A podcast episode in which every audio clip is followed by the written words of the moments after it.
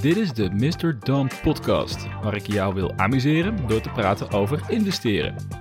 Mijn naam is Jasper, leuk dat je luistert naar deze aflevering.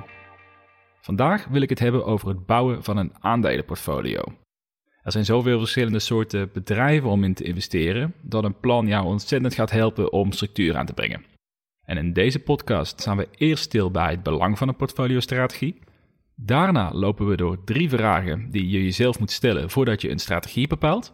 En we sluiten af met vijf varianten, zodat je direct concreet aan de slag kunt en meteen weet ook wat voor type portfolio's er zijn, uh, welke richting je op kunt ermee.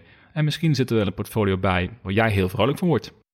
Maar voordat we starten, de gebruikelijke disclaimer. Deze podcast is puur voor entertainment doeleinden. Ik ben geen financieel adviseur, dus doe altijd je eigen huiswerk en beleg alleen met geld dat je kunt missen. Goed, waarom is het zo belangrijk om een plan te hebben met je portfolio? Want je kunt natuurlijk ook simpelweg aandelen kopen van bedrijven waar je in gelooft en dan ben je klaar. Toch ligt het iets genuanceerder als je voor de langere termijn succesvol wilt zijn. En zie je het een beetje als een, als een voetbalelftal waar jij de manager van bent. Je kunt elf fantastische spelers opstellen en dat zal vast een tijdje goed gaan. Maar wat doe je nou als je drie wedstrijden per rij verliest? En als je niet heel goed weet waarom je die elf spelers oorspronkelijk in de basis hebt gezet, dan is de kans heel groot dat je in paniek raakt en dat je continu je team gaat omgooien met de hoop dat het dan beter gaat. En als voetbalmanager kan je dan je spelers op de bank zetten en belegger ga je dan vooral je aandelen verkopen als ze iets minder presteren.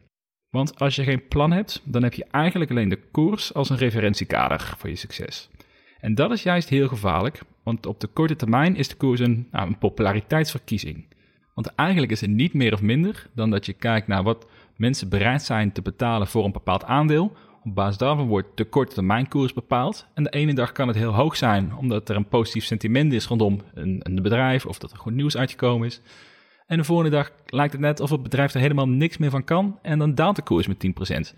Ja, als dat je enige referentiekader is, dan, ja, dan maakt het jezelf heel moeilijk om emotieloos te kunnen blijven investeren, omdat je je continu laat leiden door een sentiment die je heerst en niet per se door de inhoudelijke argumenten waarom je in een bedrijf hebt geïnvesteerd.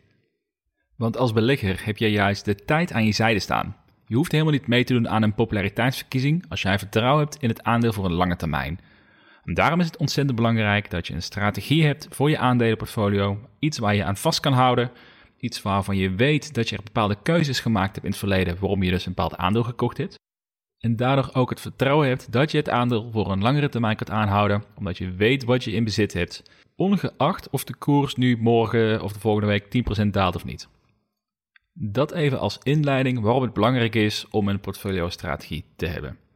Maar hoe maak je nou voor jezelf een strategie? Nou, om het eenvoudig te houden, heb ik bij deze aflevering enkel een blik op aandelen en niet op obligaties en grondstoffen. Dus het is puur een aandelenportfolio. En hiervoor zijn eigenlijk drie vragen die je jezelf wilt stellen om te weten ja, wat voor een type belegger je eigenlijk bent. En dit vormt de basis van je strategie. En die drie vragen die zijn als volgt. De belangrijkste vraag is, wat is jouw doel met beleggen? Wil ik mijn kapitaal laten groeien of wil ik mijn kapitaal juist behouden? Of zie ik het misschien wel als een vorm van een extra passief inkomen? En op basis van deze keuze zijn er namelijk compleet verschillende aandelen waar je in wilt beleggen. En dat gaan we straks ook zien als we door de vijf vormen van de portfolio's gaan lopen. Maar dit is dus de belangrijkste eh, eerste vraag die je zelf wilt stellen. Wat wil ik ermee bereiken? En de tweede vraag die je zelf wilt stellen is: wat is mijn tijdshorizon? Oftewel, voor hoeveel jaar wil ik beleggen en voor hoeveel jaar kan ik mijn geld in de aandelen houden? En de meest voorkomende vorm is beleggen voor de lange termijn. En dan heb ik het echt over uh, eh, 10 jaar plus eigenlijk, of uh, langer zelfs. Nou, daarom heet het ook 10 jaar plus.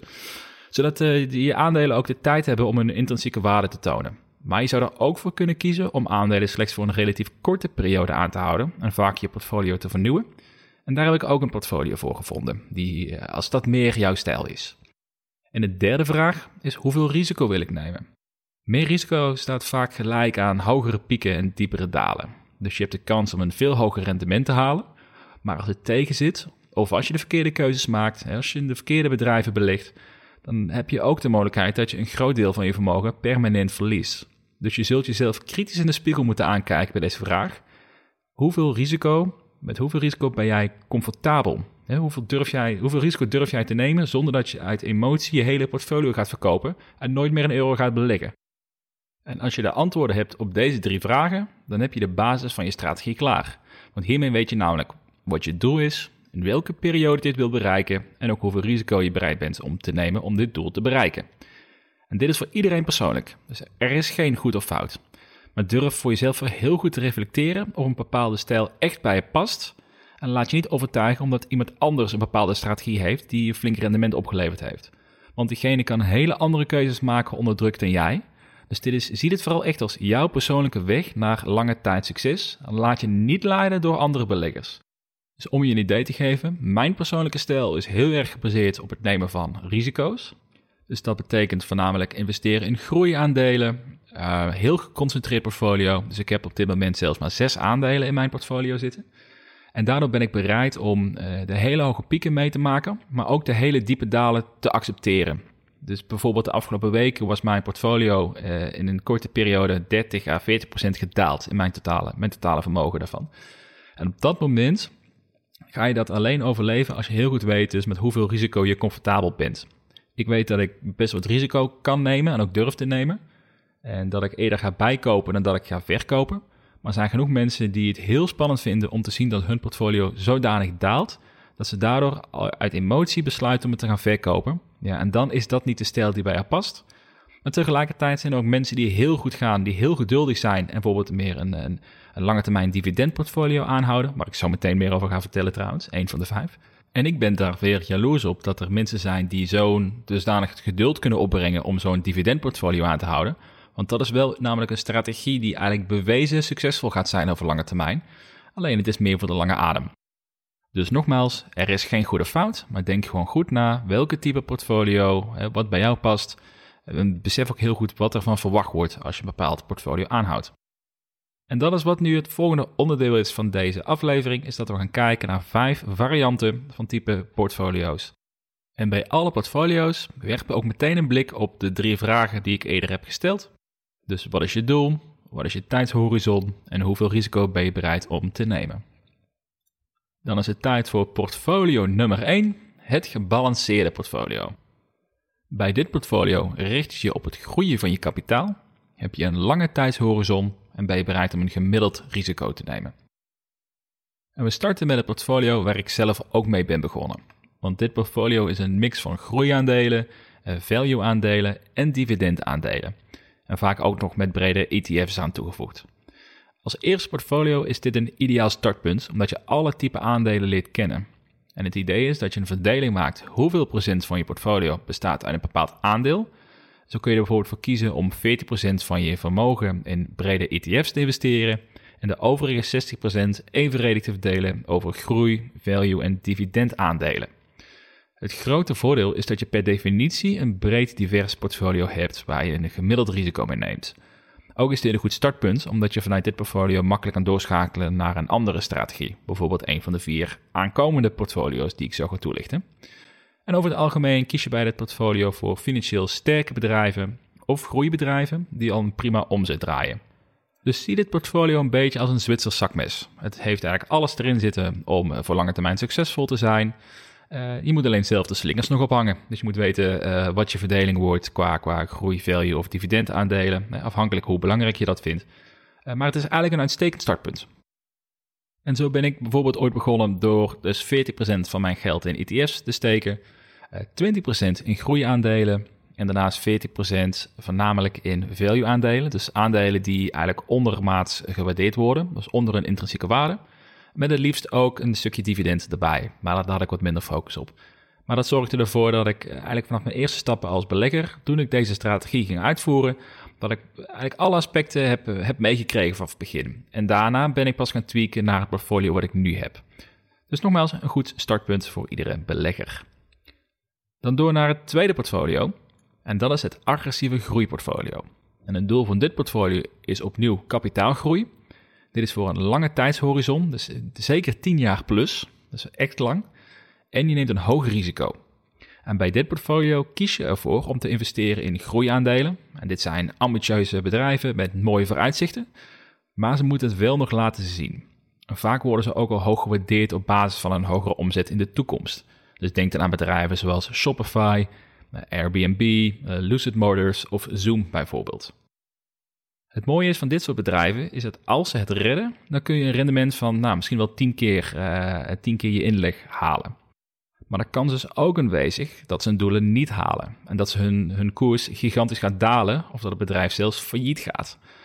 Dus ja, een 10x is, klinkt hartstikke leuk, maar als je 100% van je geld verliest, dan, um, nou, dan word je ook niet vrolijk van. En dat kan een enorme impact hebben op je lange termijn rendement. En dit portfolio is uh, behoorlijk volatiel. Dus je hebt hoge pieken en diepe dalen. Dus je zult een stalen maag moeten hebben om aan je plan vast te houden als je portfolio een keertje halveert. Want dat gaat gebeuren bij dit soort portfolio's. En je moet een tijdshorizon hebben van zeker 10 jaar.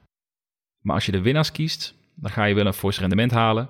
Maar dit is wel een portfolio waar je dus goed je huiswerk voor moet doen. Maar je moet heel goed weten welke bedrijven je bezit, omdat het zo volatiel is.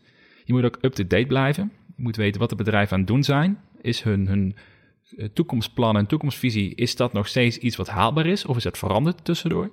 Dus dit is een, dit is een actief portfolio ehm, ja, waar, je, waar je goed bij moet blijven. Maar als je het goed doet, als je goed je huiswerk doet en je maakt de juiste keuzes en je hebt de stalen maar, is het wel een van die portfolio's die een bovengemiddeld rendement kunnen opleveren voor de lange termijn. En dit is trouwens nu ook mijn portfolio. Het derde portfolio is het dividendportfolio. En het doel hiervan is om een extra passief inkomen te krijgen. Met een tijdshorizon van nou, midden tot lang ongeveer, afhankelijk of je dividendgroeiers hebt in je bedrijf, zal ik zo toelichten. En het risico is relatief laag. En dit portfolio is geschikt voor mensen die graag een extra bron van passieve inkomsten willen. Dus je kiest namelijk voor bedrijven die periodiek dividend uitkeren, een soort winstdeling voor aandeelhouders.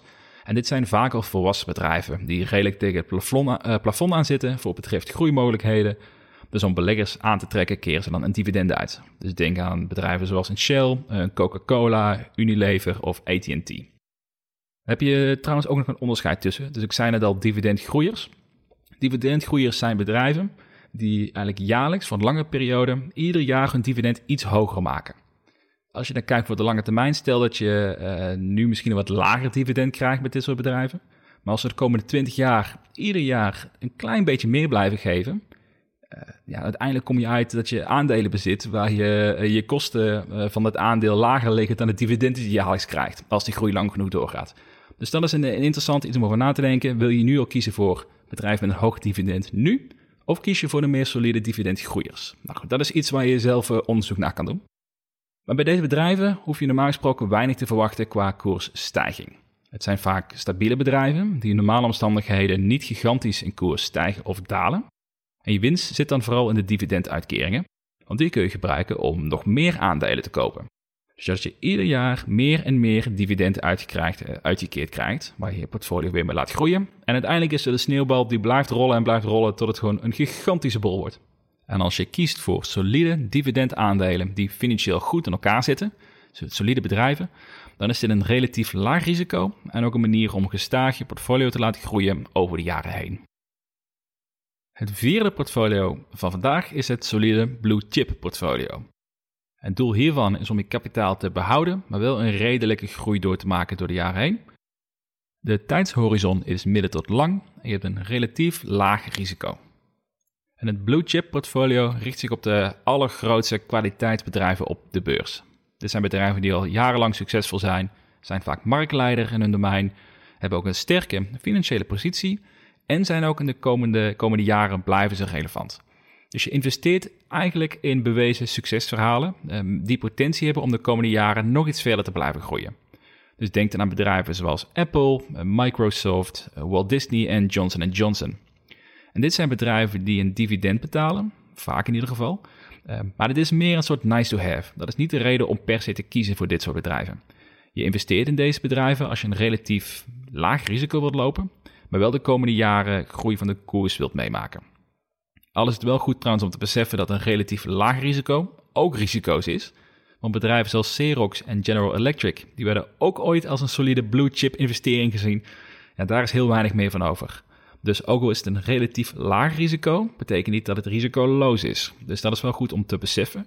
Maar je weet wel dat als je in bedrijven zoals een Apple of Microsoft investeert, ja, dat zullen geen bedrijven zijn die uh, over vijf jaar failliet zijn. Ehm, dus dat lijkt mij heel sterk. Dus dan weet je in ieder geval dat je daar een bepaalde zekerheid in hebt. En het laatste portfolio van vandaag, het vijfde portfolio, is het momentum portfolio.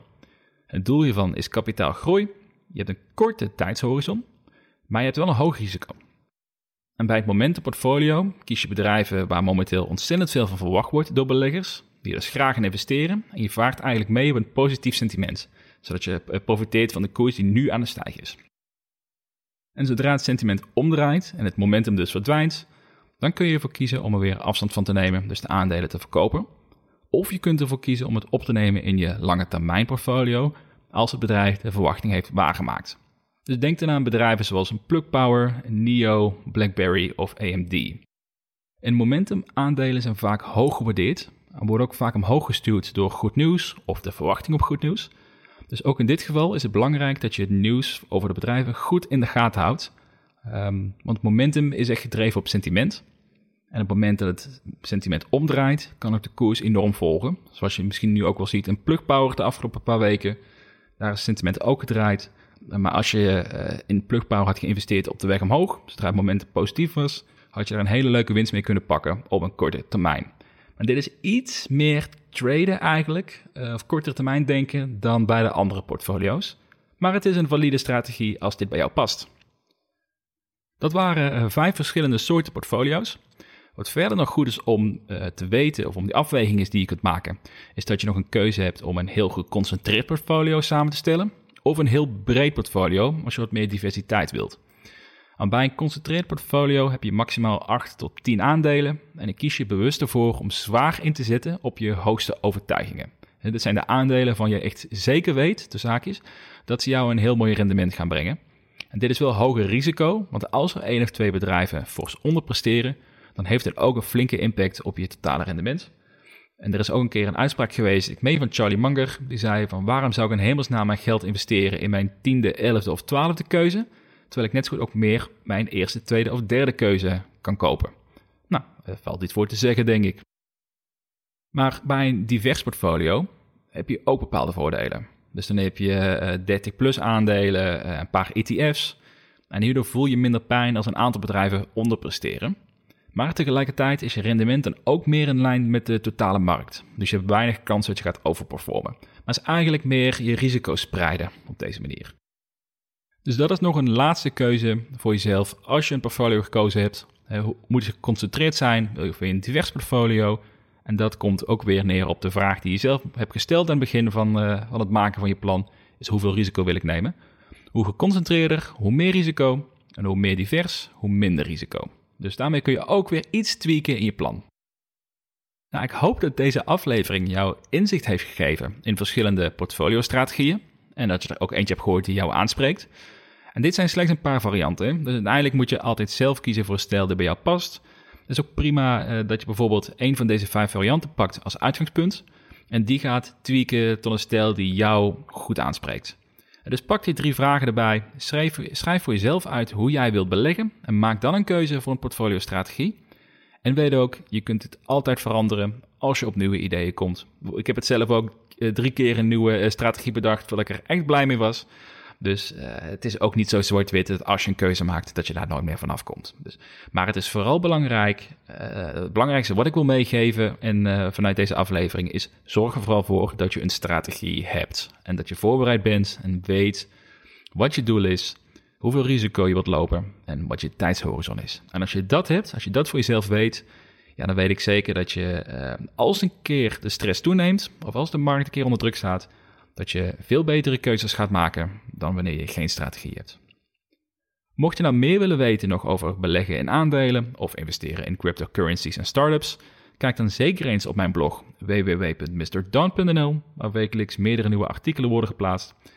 En dan wil ik je verder bedanken voor het luisteren en graag tot de volgende aflevering.